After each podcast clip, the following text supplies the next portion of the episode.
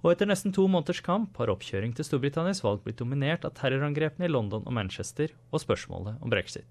Begge de to store partiene har lovet at de er rette partiet for jobben, men hvilke argument har overbevist velgerne? Fra det dramatiske til det kjedelige. Den britiske valgkampen har hatt alt. Statsminister Theresa May overraska alle ved å kunngjøre nyvalg i april, etter mindre enn ett år som statsminister. Hun håper å få flertall og styrke stillinga i parlamentet for de kommende forhandlingene om Storbritannias exit fra EU. May sier hun forstår utfordringen som ligger foran henne. So yes, we need to get the Brexit deal right. Bring back that control of our money, our laws and our borders. We need to build that deep and special partnership with the EU, a, a comprehensive free trade agreement with the European Union. But we also need to build new trade deals, create new trade deals for our goods and services around the world with new friends and old allies alike. De fleste meningsmålingene spår en solid seier for Conservative Party, men det har ikke vist seg å være en lett valgkampanje. Da hun besøkte et kjøttmarked nylig i sentrale London, møtte May på en uhyggelig folkemengde som bua da hun snakka med folk.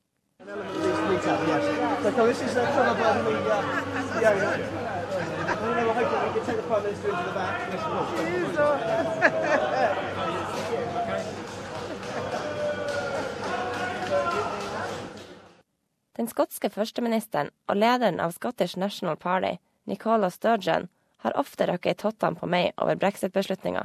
Hun har gjentatte ganger lova å holde en ny folkeavstemning om skotsk uavhengighet for å beholde Skottland i EU. The impact of Brexit on everybody in our country is going to be disastrous, and that's why I have a duty to allow people the choice to opt for something better. Scotland's future should be in Scotland's hands.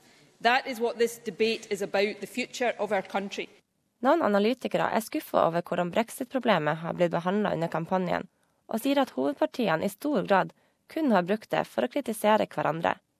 The Liberal Democrats er også imot brexit, og deres leder, Tim Farron, har lova en ny avstemning om en endelig brexit-avtale hvis de vinner, selv om en seier vil være svært usannsynlig. Storbritannias sikkerhet er også under granskning, etter en rekke dødelige angrep i byene Manchester og London har økt landets terrorberedskap til sitt høyeste nivå. Statsministerens hovedrival, leder for partiet Labour, Jeremy Corbyn, har kritisert hennes tilnærming til å bekjempe terrorisme.